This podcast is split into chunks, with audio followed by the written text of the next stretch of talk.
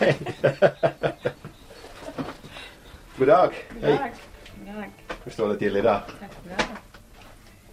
Jag kommer hit med en kasse med presenter åt dig. Jaha, är det mutor? Nej, praktiska presenter från Ålands Radio. Nej tack. Stjärtvärmare och Ja. kep för regnet och Ja, lite ska- spelkort för så du kan spela med din familj när du liksom vill göra någonting roligt. Och... Det här ska jag ge åt barnbarnet för jag har en, en, en packa och han älskar att Okej. Komma in. Kan du ursäkta mig nu så jag måste gå och skicka iväg ett mejl. Ja, ja. Jag sätter mig i gungstolen. Sätt dig i gungstolen. Så länge.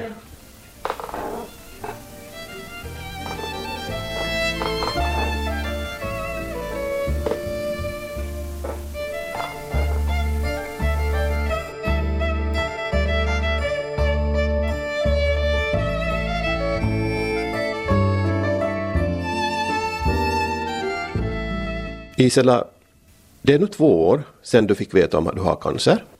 Och efter det så har du gått igenom flera typer av behandlingar. Du har opererats, du har fått cytostatika, alltså cellgifter, strålbehandling, men också en annan typ av kemisk behandling, nämligen monoklonala antikroppar.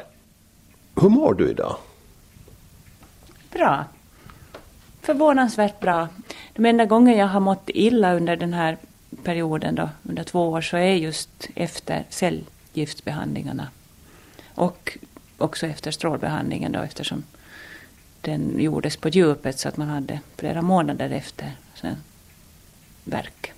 När man ser dig så har man svårt att tro att du har genomgått en tvåårs eh, behandling av cancer. Ja, för det första så har jag ju bara genomgått ett års behandlingar så att jag har ju haft ett år på mig nu att repa mig och, och det har jag förmodligen gjort ganska bra då eftersom du säger sådär. Du har skrivit en bok om det första året av ditt liv med cancer. Och för den som är intresserad av eh, att gå in mera på detaljer så kan jag verkligen rekommendera den boken och titeln är Behandlingen anteckningar från ett år i kräftans tecken. Men visst var det på det sättet att du drabbades av en ganska ilsken form av bröstcancer?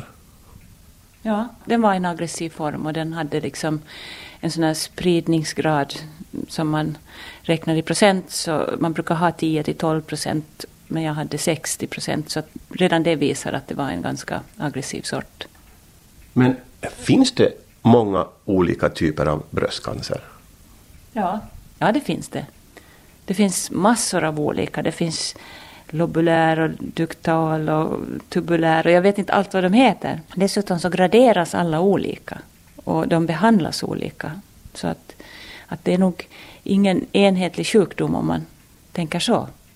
Det är ju cancer överhuvudtaget inte, att det är ju en stor grupp av sjukdomar. Jag vet ju att du går på behandling en gång i veckan och eh, du säger att du mår bra, men känner du dig frisk? Ja, det är ju det jag gör. Alltså man kan ju vara sjuk och känna sig frisk. Och man kan ju vara frisk och känna sig sjuk. Men jag har faktiskt en känsla av att, att vara frisk och det, det har jag alltid. Och jag undrar om det har med anpassning att göra. Att, att jag har inget behov av heller av att känna mig sjuk. Sen du gav ut den här boken så fick du veta att eh, cancern kom tillbaks. Var det en chock det? Antagligen var det det. För att eh, när man inte hör vad läkaren säger då är det förmodligen en, en form av chock. För att jag såg liksom munnen röras och, och visste att eh, läkaren sa någonting men jag kunde liksom inte ta in det. Och det är väl en form av, av chock. Var det svårare än det när du hörde det första gången? Det var samma. Alltså första gången så, så fattade jag ingenting. Andra gången så var jag lite förberedd och ändå så kan man inte riktigt ta det till sig. För i och med att man får tillbaka så börjar man ju spela i en annan division. Man kommer liksom in i ett annat lag. Man kallas för ett återfall och då är också prognosen en helt annan än, än den här, de som spelar i första divisionen. Är det som att eh, hamna lägre ner på skalan och framtidsutsikterna blir eh, dystrare eller är, är det på det sättet? Ja, men som du säger, man kommer ju högre upp och närmare himlen. Nej, jag upplever inte så, att man kommer i någon, någon lägre skala, utan snarare tvärtom. Ja, livet blir värdefullare och man, man börjar prioritera. Jag tycker att, att det är en tid som, som alla borde få uppleva. För att den, den är så pass värdefull och man kommer till så många insikter om allting, vad som är viktigt. Du skriver i boken det är konstigt att man måste bli sjuk för att eh, känna att man lever. Och då har du berättat om att ni har skrattat och gråtit, jag tror det var i Åbo vid strålbehandlingen. Men just det här att när man är frisk och inte har några större krämpor, då går livet av sig självt bara. Men när man är sjuk så känns livet mera konkret. Absolut, och och man skalar bort allt oväsentligt och det är det som är det viktiga, att man kommer till en punkt där man liksom vet att, att ja, men det här är viktigt och det här är viktigt.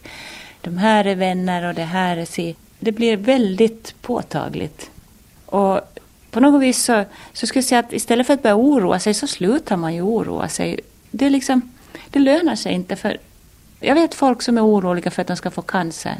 Det är helt onödigt för den kommer dit den kommer, dit man minst anar. Jag hade aldrig kunnat tänka mig att jag skulle få vare sig i bröstet eller i lungorna. Jag har känt smärta på andra ställen och känt efter, men det var helt i onödan. Men nu när du fick veta om att eh, cancer hade eh, kommit tillbaka, är det liksom eh, i bröstet som eh, cancern är eller har du den liksom på flera ställen i kroppen? Alltså vet du själv hur det ser ut? Berättar läkarna sånt? Ja, jag är, de, åt mig berättar de åtminstone, för jag frågar ju. Jag har den åtminstone i lungorna nu. I Åbo sa de att det är nog på flera ställen också. Men man gör inte sådana undersökningar. Det är liksom inte någon idé att börja undersöka exakt var man har när, när det har spritt sig för att man sätter in en allmän behandling. Hur ser du då på situationen idag och framtiden? Alltså, hur långt framåt vågar man tänka? Eller vill man tänka framåt? Vänta nu, måste se. Mm. Alltså jag ska säga så här att jag vet inte. Och det är första gången i mitt liv jag har nåden att säga så. För jag har alltid jobbat med saker där jag måste veta. Jag jobbade på resebyrå och där kunde man inte säga att en buss gick klockan 12.04, tror jag, utan man måste säga exakt. Samma sak på biblioteket, vi har ingen rätt att säga att vi inte vet, utan vi ska ta reda på. Nu är det första gången som jag inte behöver veta någonting. Jag väntar och ser och jag är nyfiken alltså. Du vet att jag har sysslat mycket med helgon och sådana saker. Att jag, jag ser lite fram med sån lite barnslig nyfikenhet. att Hur ska det här gå och vad ska det bli? Och jag vet ingenting. Så varje dag är spännande? På sätt och vis, ja. Hur ser ditt vardagsliv ut idag? Kan du göra det du alltid har gjort? Använda datorn som jag vet är viktig för dig och titta på TV eller lyssna på musik? Ja, men jag har... Mycket av tiden när man har att leva med cancer så är ju mycket att vänta, vänta, vänta på provsvar, på remisser, på läkarbesök. Det, det är den väntan som på något vis nog ramar in hela varande. Men sen har jag det ju oförtjänt bra. Jag brukar tänka så här att vad mycket jag slipper göra. Och så undrar jag ofta ibland också att, att skulle jag orka 30 år till? Liksom, gå till tandläkare och fundera på pensionsförsäkringar och serva bilen. Och jag nästan tycker synd om folk som ska orka liksom och planera långt, långt framåt. De ska köpa nya hus och de... Ja, min vardag ser väldigt behaglig ut. Jag stiger upp och så gör jag det som jag tycker att känns bäst. Och jag går ut och promenerar och tittar på årsskiftningarna. Och, och, sen har jag ju det att jag tycker om att läsa, alltså ordet. Jag kan få såna magiska upplevelser av att läsa och, och titta på ett inkuativt verb kan jag liksom bli hög. Så att jag har ju aldrig tråkigt. Har din eh, smak för litteratur förändrats någonting under den här sjukdomstiden? Har du hittat någon ny författare som har gett dig extra mycket nu? Eller någon eh, kompositör som har gett dig någonting extra? Eh, nej, utan det är ju hela tiden en utveckling. Så den bok jag läser sist, så den är bäst. Just nu har jag läst Thomas Sjödin, Ett brustet halleluja, och den gav mig otroliga upplevelser. Och nya ord att smaka på som tvedräkt. Ett helt underbart ord som lite beskriver splittringen i dagen, dagens värld. Mm. Eh, och Eh, favoritkompositörer de, de växlar med hur man mår. Alltså jag lyssnar mycket på Mozart och klassisk musik tills jag då märkte att jag måste ha någonting som lite piggar upp. Och jag kunde till och med höra på dansbandsmusik så där när jag skulle göra någonting just för att få, få fart på. Men att eh, nej, det, det, växlar och det kommer hela tiden nya. Jag blir så förvånad över att det kommer hela tiden nya som man kan engagera sig i och, och, och tycka om. Vill man lyssna på sketcher eller buskis eller någonting som är sådär ytligt men som är lite triggar skrattet så att säga? Nej, jag vill hellre ha det djupa skrattet, alltså det, det äkta djupa än, än, än ett sånt här triggat buskisskratt faktiskt. Och jag tycker att vardagen bjuder på så mycket skratt och det har vi ju här kring matbordet med familjen för att, att ja, vi, kan, vi kan ha så roligt ibland så att det är nästan oförskämt och likadant kunde vi ju ha det på onkologens cellgiftsavdelning att en gång så kom de ju till och med och stängde dörren och sa att vi skrattade opassande mycket. Alltså det, det finns så mycket roligt i vardagen. Jag måste beskriva lite också hur ni bor här, för du bor ju då med din man här i Dalkaby och du har utsikt över eh, Dalkaby träsk och sen håller din ena son på att bygga ett hus här och din andra son bor i ett eh, lite mindre hus som ni har byggt tidigare. Så ni har hela familjen samlad på några hundra kvadratmeter. Ja, visst är det märkligt. Andra brukar säga att nu har våra barn blivit så stora att de har flyttat hemifrån. Men våra har faktiskt blivit så stora så de har flyttat hem igen. De har varit borta men att nu är vi alla här. Och det är, det är en otroligt fin tid faktiskt att, att ha dem här. Och, och lilla barnbarnet då som ju är som, ja vad ska jag säga, som moset på grädden eller grädden på moset. Så egentligen är ditt liv ganska normalt inom citationstecken? Ja, periodvis. Just nu så är det ju väldigt normalt men att jag kan inte säga hur det är nästa vecka och sen. Det är lite så. Har du någonsin funderat på att varför just du fick cancer? Alltså, var det någonting du hade gjort i ditt liv som gav upphov till cancer eller är det någonting i generna? Hur mycket har du funderat på det? Jo, jag har funderat mycket på det eftersom vi hade hela familjen och och, och, min första onkolog som jag träffade som var mycket kunnig så sa att förmodligen så har hela er familj varit utsatta för strålning. Och, och jag köpte det. För jag tänkte att det förskonar i alla fall mina efterkommande då att det, det är vi då som har varit utsatta och, och jag kan peka nästan på platsen där vi har varit utsatta för denna radonstrålning. Men efter det så har det kommit ny forskning där det också nog har med en, en genuppsättning att göra. Och då skulle min pappa då höra till en annan uppsättning och det är min mamma och min bror och jag som skulle ha samma. Men det där är för invecklat att bara dra sådär. Men att, att jag är jätteintresserad. Och det är ju det som har gjort hela den här resan i sjukdomen till ganska värdefull. För jag har tyckt om att ta reda på. Alla vill ju inte veta. Men, men de blev så irriterade på mig i Åbo också när jag frågade om den här strålningen så att till slut sa de att, nej, att vi kan nog kalla in en fysiker om du vill diskutera mera men att, att då, då fick jag ge mig för att ja, jag ville veta allt.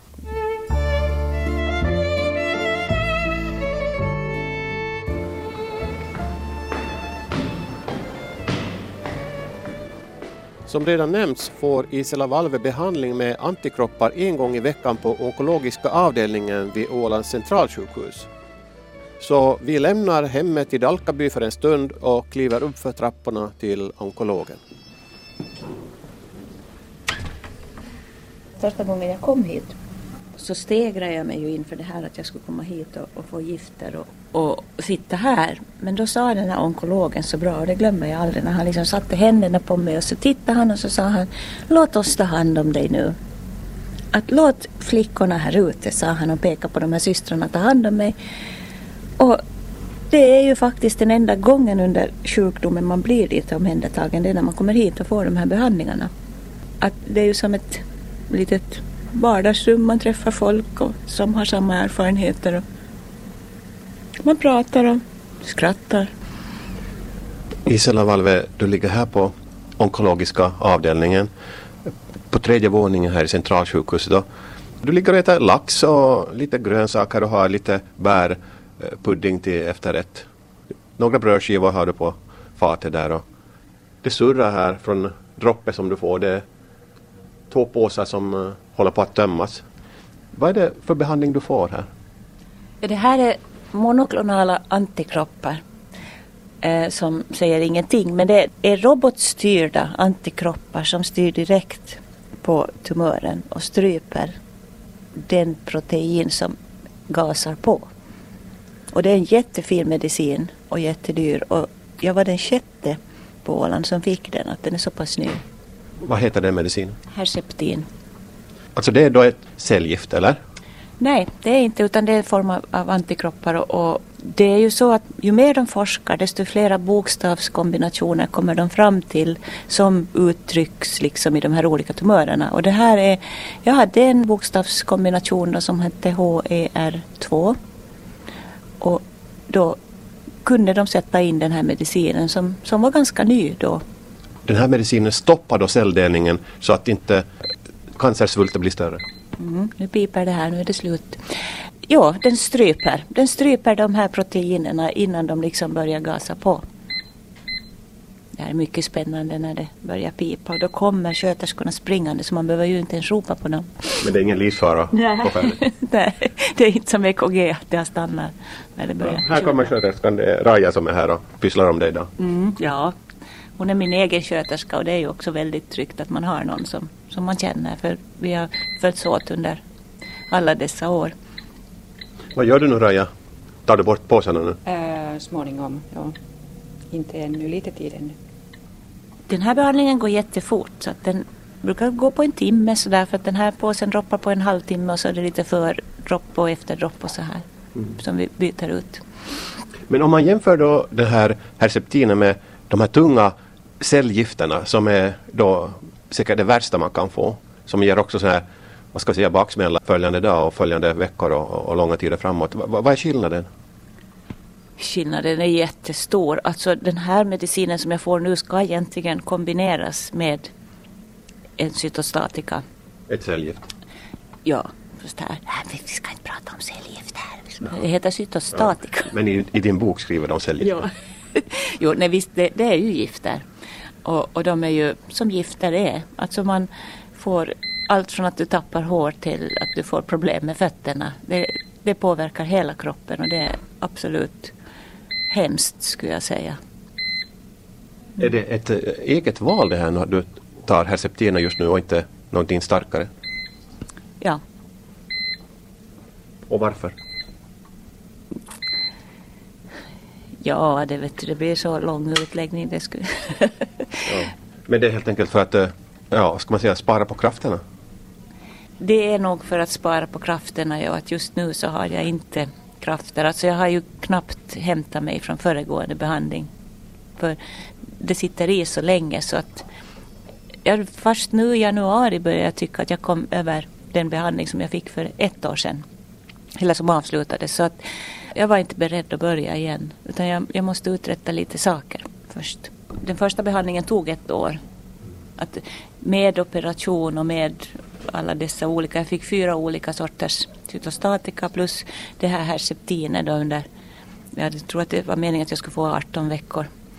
Och, och sen strålning då, fem veckor. Och allt, allt bröt ju ner på sitt sätt så att eh, när jag äntligen kom upp ur det där då och skulle börja på nytt så nu, nu, nu väntar vi och eventuellt så ska jag kunna få lite strålning också fastän från början sa att det varken gick att operera eller strålas.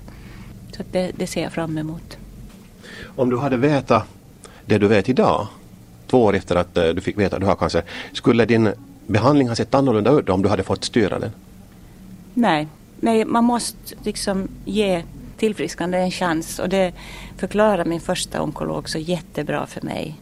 Hur viktigt det var att man slår till ordentligt i början. Att besvikelsen kom ju när inte det hjälpte. Att då kan man mera börja styra själv. Att det är ingen som, som tvingar mig nu in i en behandling som inte har hjälpt förut heller. Men den här medicinen du får nu idag och som du då kommer att få mer av om en vecka, om jag förstått rätt. Eh, hjälper den mot sjukdomen eller håller den sjukdomen i schack? Den håller den i schack, förhoppningsvis. Man får inte bort den. Nej. Hur, hur tänker du om det? Jag accepterar det. Är det svårt att acceptera att man kan bli helt frisk? Jag är ju inte ensam. Det finns så många olika sjukdomar. Och jag kan ju inte tacka nej som jag säger. Jag kan, jag kan inte gå och säga att, att nej tack, att nu tar jag inte den här sjukdomen. Det finns värre sjukdomar. Och ja, det är väl bara alkoholism då som man kan tacka nej till på något sätt. Och den tycker jag ju faktiskt många gånger är värre och ställer till mera.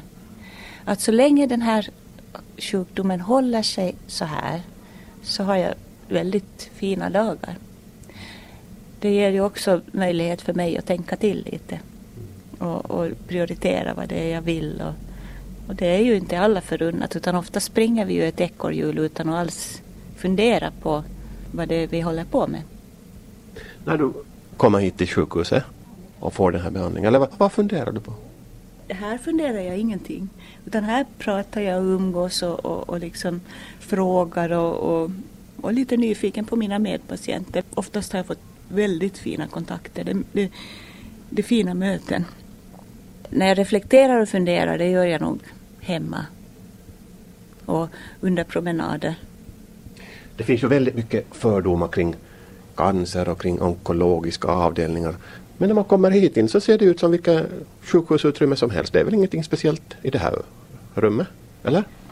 Nej, så, så kan jag också tycka. Men man får inte glömma att det är i alla fall cancer är en fruktad, lömsk, hemsk sjukdom. Och det får man ju gång på gång bevittna. Men om man kan acceptera det, att det är en sån sjukdom man har och sen ta vara på de fina stunderna, så då är de ganska många. Har du någon gång tänkt att det, det är fruktansvärt orättvist att också jag drabbas av den här sjukdomen? Aldrig. Nej. Nej, utan jag, jag menar varför inte jag? Det är ju så många som har fått det så att det... Så har jag inte tänkt, nej. Kan man säga så här? Kan man få ut något positivt av att ha cancer? Jo. Man kan. Det kommer ut mycket negativt men det kommer också Eh, när jag summerar det här året 2007 och, och funderar efter att vad som hade varit bra och dåligt så kom jag till att de mesta bra sakerna hade någon slags anknytning till min cancer. Alltså det var människor jag hade träffat, det var upplevelser jag hade varit med om och jag hade lärt mig bra mycket nya saker och sådär så det kom någonting bra ur det. Den här boken du skrev, Behandlingen, ett år i kräftans eh, tecken. Ja. Jag kan tänka mig att du har fått enormt mycket respons på den boken.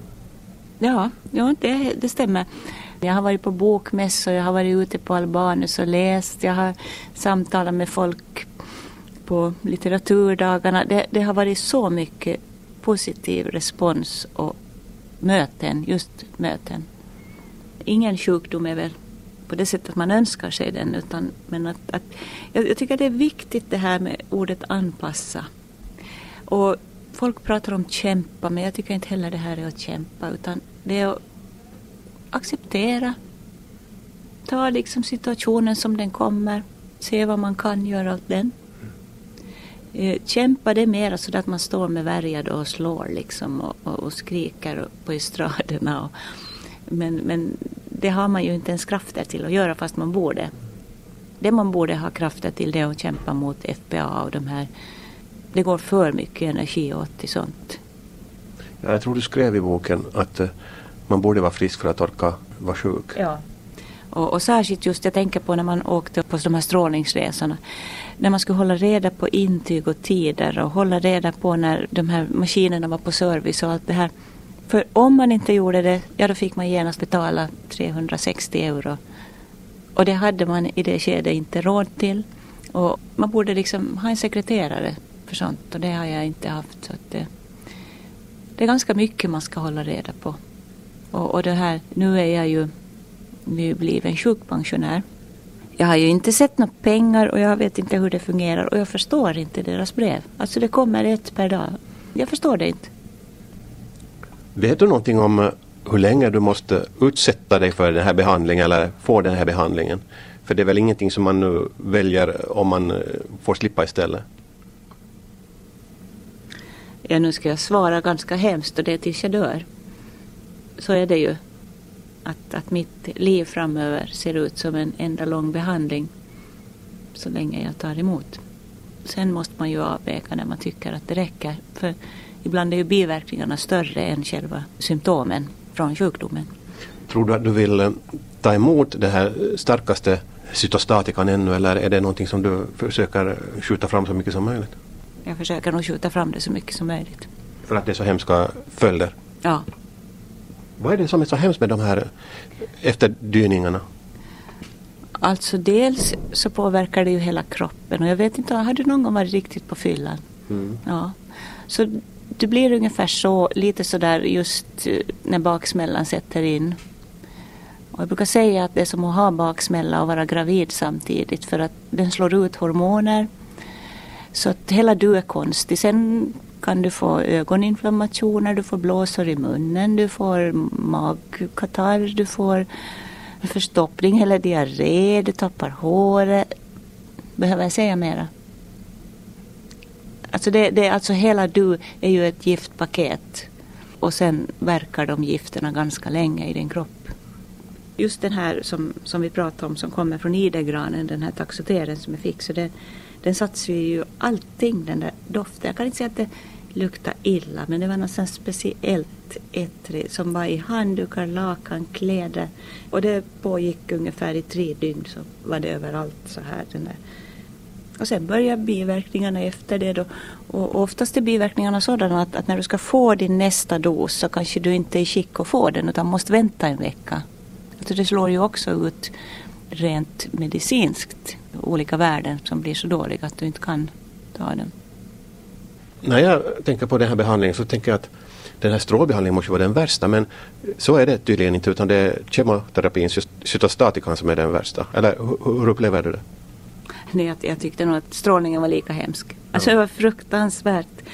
Och, och dag ut och dag in gå och veta att man fick dessa farliga strålar rakt igenom kroppen.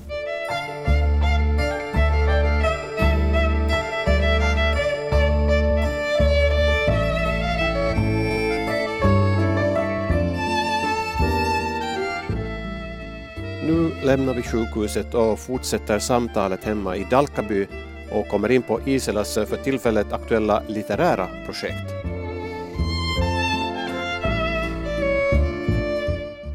Under hela din sjukdomsperiod så har du haft en sak, en hobby, en, ett arbete, en sysselsättning som du har kunnat gå tillbaks till när du har orkat och när du har haft energi. Och det är barnboken om Joel Pettersson. Ja, det var lustigt för jag hade precis börjat när jag blev sjuk och, och tänkte att det här, den här tanken ska jag inte ge upp. Och det var tur för att, att jag har faktiskt hållit på i två år. Jag har liksom fotograferat, jag har funderat, jag har läst på, jag har varit runt hos olika människor och tittat på tavlor och försökt skapa mig en, en bild av honom. Och jag valde att göra det med färger och det har ingenting med att Joel skulle ha haft någon sån färgperiod i sitt liv eller någonting utan det är helt och hållet ett sätt bara att komma honom nära, att använda mig av hans färger. Varför ville du göra en barnbok om Joel Pettersson? Ja, det är ju sådär att jag har ju gjort om Valdemar Nyman, om, om Bodisco och biskop Henrik. De kommer till mig. De, de vill bli berättade på ett enkelt sätt. Att det finns ju otaligt mycket berättat, men det är ju för vuxna. Och jag tycker att Joel Pettersson är en sån människa som barnen också behöver känna till. De åländska barnen. Att han är ju en stor konstnär och en, också en berättare. Tycker du att han är för okänd bland åländska barn och ungdomar? Jag tror det.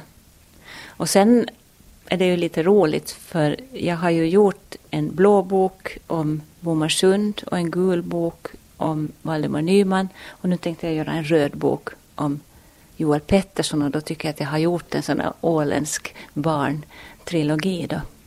Hur bygger du upp de här olika sidorna?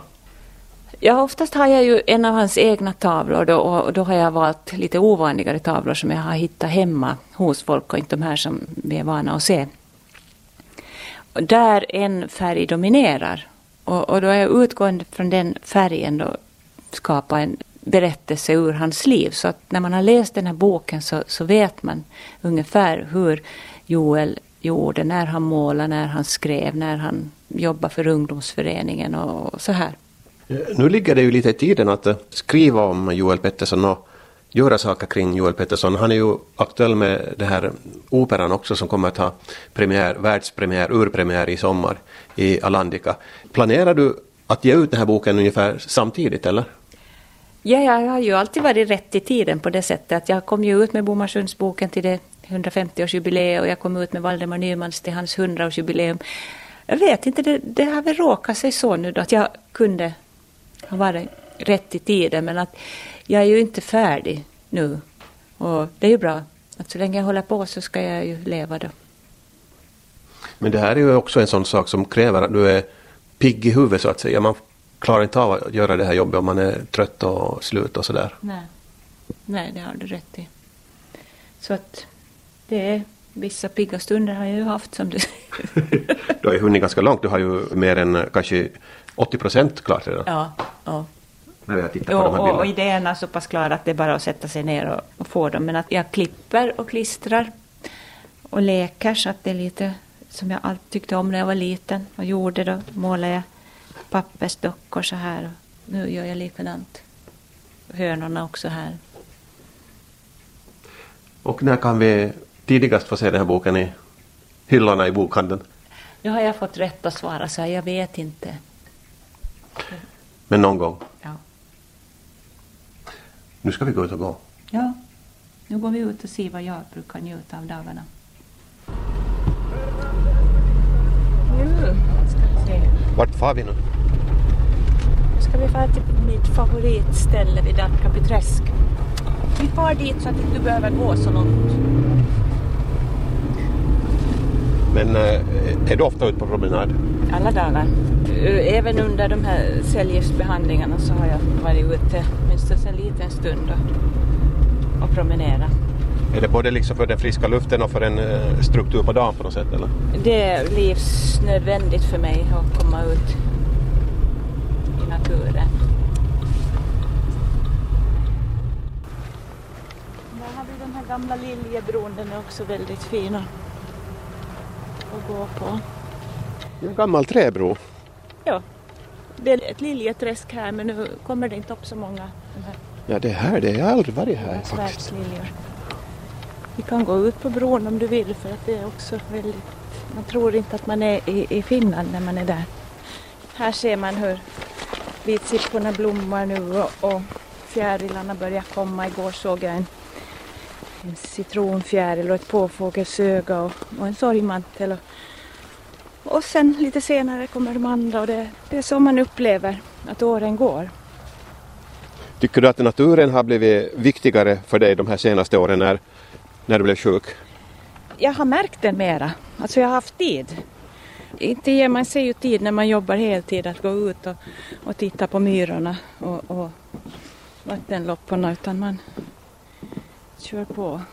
Ja det här är iriskärret eller vad det heter. Ja, gula svärdsliljor och här häckar det lite fåglar. Och...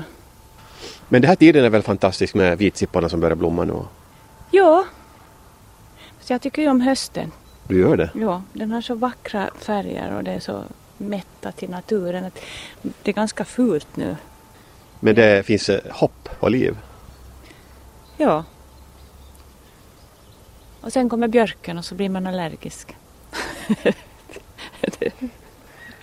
Nej. Nej, jag är inte särskilt förtjust i våren faktiskt. Men det är klart som du säger, det är hopp och det är liv och det, den, den är väl lika... Jag, jag tycker om växlingarna, där hade vi en liten hackspett. Det är ett ljuvligt område det här egentligen. Om du tittar tillbaka, eller ser tillbaka på de här två åren, hur tycker du att vården för dig har varit? Hur upplever du vården på Åland, vården i Åbo överhuvudtaget? På Åland, alltså det är snabbt och det är nära och det är lätt att få kontakt. Och de gör sitt bästa. Och man får vara lite delaktig också. Att så fort man kommer till Åbo då och lite större sammanhang så är de ju strängare. Då gör de som de gör och, och där har den också varit bra. Jag har ju inte haft något problem med finskan heller så att det har varit helt, helt okej. Men jag förstod i boken som du skrev att eh, om inte man kan finska så kan det vara lite problematiskt ibland i Åbo. Jag skulle säga det, därför för att jag försökte börja med svenska ibland och de var helt korrekta. Och jag fick svar ja och jo och nej.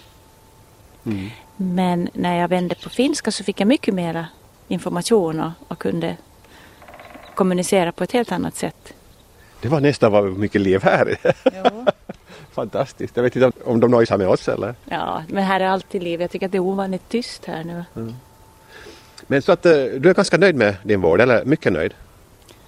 Ja, Men någonting har det väl varit som inte har fungerat som det ska också? Eller? men det tänker jag inte berätta nu.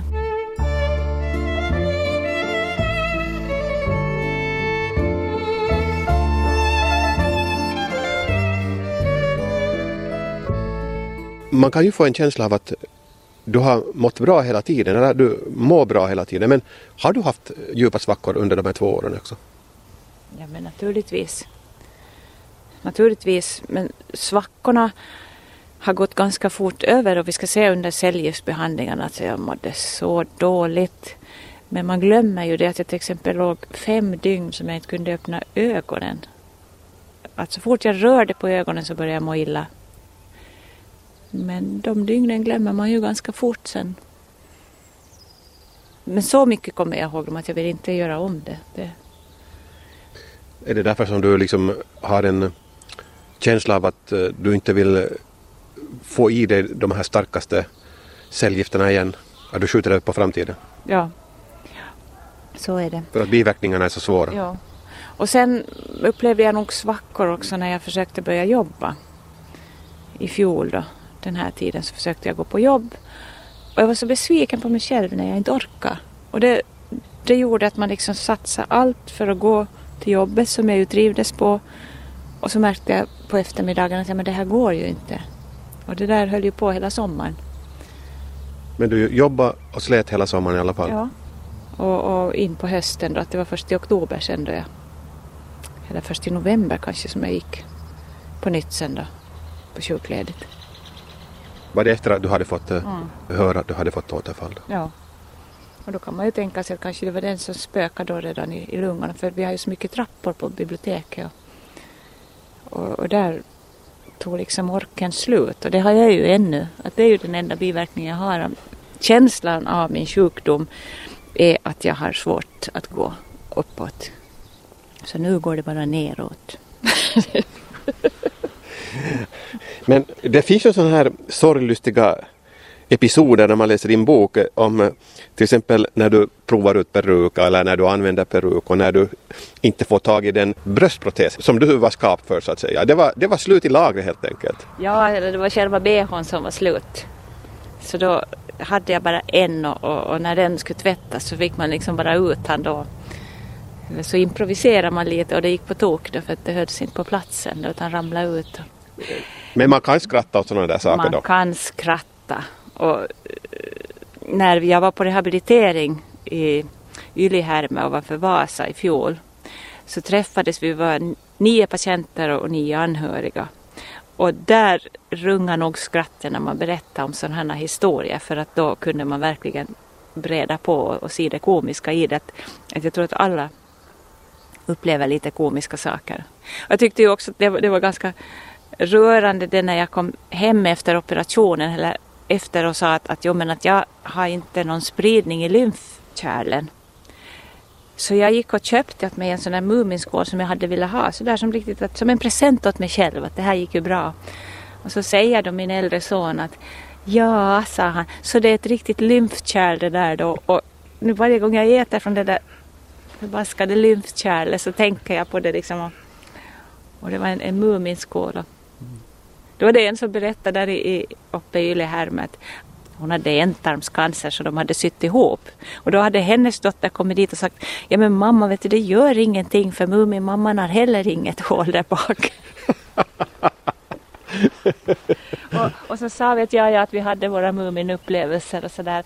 Att på det sättet kan man prata men det vill man inte gå ut med. Det kan till och med kanske kännas obehagligt för, för folk att höra detaljer. Mm. Det som jag brukar tänka på är att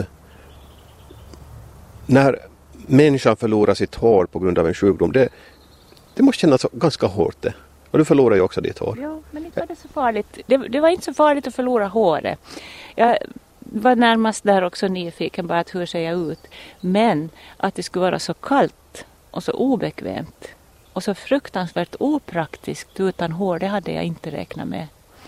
Alltså det var sommar och du vet fast jag tyckte att jag kan gå ut utan någonting så drog det kallt. Eller så måste man skydda sig mot solen. Så satt man en peruk på så var den för varm. Satt man en hatt på så blåste den av. Så att det var liksom, det var jobbigt. Men nu har du ju ditt eget hår. Hur länge har du haft det där nu? Det har jag haft ett år nu då. Känns det skönt? Jo, jo, du vet inte hur skönt det är när man liksom kan vara ute och, och vinden tar i och det sitter kvar där. Och, och att man inte behöver gå med någon mössa på eller hatt eller någonting hela tiden. Så att, nej, det, det är otroligt skönt. Så att, jag hade ingenting emot att tappa hår. Jag tyckte snarare att, att man såg lite intressant ut sådär. Det var en sak om det här vården som jag tänkte på. När jag läste din bok och, och läste de första sidorna så fick jag en känsla av att jag tyckte synd om dig lite. Att när du fick veta om att du hade cancer och det blev tal om operation så tyckte jag personalen behandlade dig lite kallsinnigt eller är det så där det går till? Alltså, jag tyckte ändå att du hamnade lite för dig själv där. Att ta hand om din egen ångest så att säga. Jo, men, men så fungerar det i vården och det har jag väl påtalat också någon gång att det kanske borde vara någon då som man skulle ha kontakt mellan de här, vet du, med, medan man väntar. Eh, tiden mellan man har tagit prov fram till operationen, tiden efter operationen tills man får tid hos onkologen. Allt det här borde man ha haft någon stödperson. Jag kommer ihåg när min egen far fick cancer och låg inför döden så var det väldigt många läkare som skötte om honom men ingen som tog det här totalansvaret. Alltså alla skötte sin liten bit av kroppen så att säga. Men det var liksom ingen, ingen som hade den här totala överblicken. Är det ofta så? Ja, så är det nog mycket idag. Det finns ingen som kan ta det eftersom också läkare ambulerar och, och jag skulle säga att det totala ansvaret då har min sköterska där som du träffar haft för mig då. För att henne har jag haft alla dessa två år. Klart hon har haft semester och varit borta men det är ändå hon. Och, och det är min enda kontaktperson. Så oftast är det så att läkarna tar hand om sjukdomen men inte om människan? Ja, så är det. Och jag är ju egentligen på väg till Vidarkliniken på Järna. Jag har en, en plats där men nu, nu har jag skjutit upp den kanske till hösten då för jag tycker att, att, att det är ingen idé att jag far dit nu. Och det är nog nästan för att få den här omvårdnaden. För man är nog hemskt ensam i sin sjukdom. Man kommer hem varje dag och man får själv ta hand om biverkningar och så här. Att det finns inte utrymme för att man skulle bli omkött. Ja. Jag har en fråga som kanske låter lite konstig men jag vill ändå ställa den. Vad är det som gör livet värt att leva idag för dig efter vad du har gått igenom? Det är nog min nyfikenhet alltså för att jag har ju aldrig tråkigt. Alltså livet i sig är ju väldigt värdefullt. Det här dagliga, nuet. Stiga upp och höra fåglarna och bra musik och läsa en bra bok och, och framförallt träffa lilla barnbarnet. Det är liksom... Ja, kan man ha det bättre då?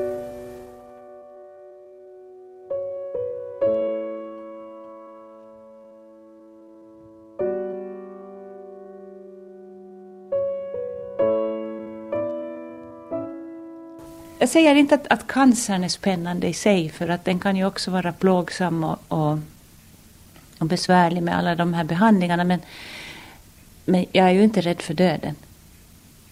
Inte det minsta. Vi, vi ska ju alla dö. Vi kallar det för slutet men det kan ju också vara början på någonting. Det vet vi inte. Och det är just där jag säger jag vet inte.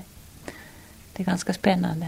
Ser du liksom döden som ett konkret alternativ de närmaste åren? Ja, visst gör man det. Alltså jag vet ju att, att nu kommer jag ju inte att leva till 90 i alla fall. Men inte, inte vet jag när och inte bryr jag mig om att ta reda på det heller utan det kan gå fort. Mm. Det, jag vet att, att just den här min sorten kan gå på en månad. Det kan gå år. Det vet man inte. Hur har din eh, gudstro påverkats av din sjukdom? Har den påverkats på något sätt? Nej, den hade jag färdigt innan. Så att, att den har nog bara funnits med och, och den har jag nog varit jätteglad för. För att när det blir natt och, och mörkt och man är ensam så har man liksom ingen annan än Gud. Mm. Och, och, då är det jätteskönt att ha den där dialogen. Jag har faktiskt känt mig omsluten och, och, och många, många har sagt att de ber för mig och de tankarna känner man nog av. Alltså det blir som ett så här värmetäcke, som, som ett mjukt moln omkring sådär. Att man, ja, man känner sig omsluten. Har du alltid trott på Gud? Ja, jag tror jag född med det. Jag kommer från en sådär totalt sekulariserad familj. Och jag kunde ensam vandra till kyrkan redan som tonåring och, och, och njuta av det här kyrkorummet. Och, eh, den är ganska okomplicerad, min tro. Jag tror på en god Gud och en nåd och har en tillit och allt det här. Men hur ser, det här är ju en jättesvår fråga, men hur ser döden ut? Har du tänkt det? Ja. Eh, som ett ljus. Som ett starkt ljus känner jag att det är och att jag tror att själen på något vis finns kvar. Och att, eh, jag har ju lyssnat på folk som har haft sådana här nära döden upplevelser och, och, och sett det här ljuset och sina bortgångna anhöriga. Jag tror att inte vår hjärna riktigt räcker till för att, att förstå vad som händer sen men att, att det kan åtminstone inte vara något så illa eftersom det hör till hela skapelsen att vi ska dö och födas. Pratar vi för lite om döden? Skyfflar vi bort ordet död allt för ofta eller hur ser du på det? Jag tycker det. Det är ju någonting som alla ska göra. Man har ett himla liv om, om, om sex och mat och idrott och sport men att, att, att födas och att dö är väl ändå det mest elementära vi alla ska göra. Och vi pratar alldeles för lite om det. Du har ju man och så har du två söner. När ni sitter och pratar, pratar ni om din sjukdom eller är det här ett samtal ni för i familjen också? Nej, inte mycket. I vårt vardagsliv så, så agerar jag nog mest som frisk. Att det är mycket lite, det kan vara att, att ja, men då är jag upptagen, då ska jag dit. Att, att nej, vi har inte... De är informerade men vi pratar inte om det. Är det svårt att prata om det? För jag vet från egna erfarenheter med min familj att när någon är sjuk så det är lättare att prata om döden med människor man känner mindre än med de som man känner väl. Det är möjligt att det är så. Nu har vi ju varit hemskt drabbade i min familj så att, att mamma, pappa och min bror och jag har alla haft cancer och vi har inte pratat om det särskilt mycket ändå. Det är konstigt nog att... I höst, i november, fyller du 60 år. Om du tänker på det, ser du att du fyller 60 år? Eller vad ser du? Jag vet inte. Men ibland så tror jag inte det. Men det får vi se. Nu är det vår.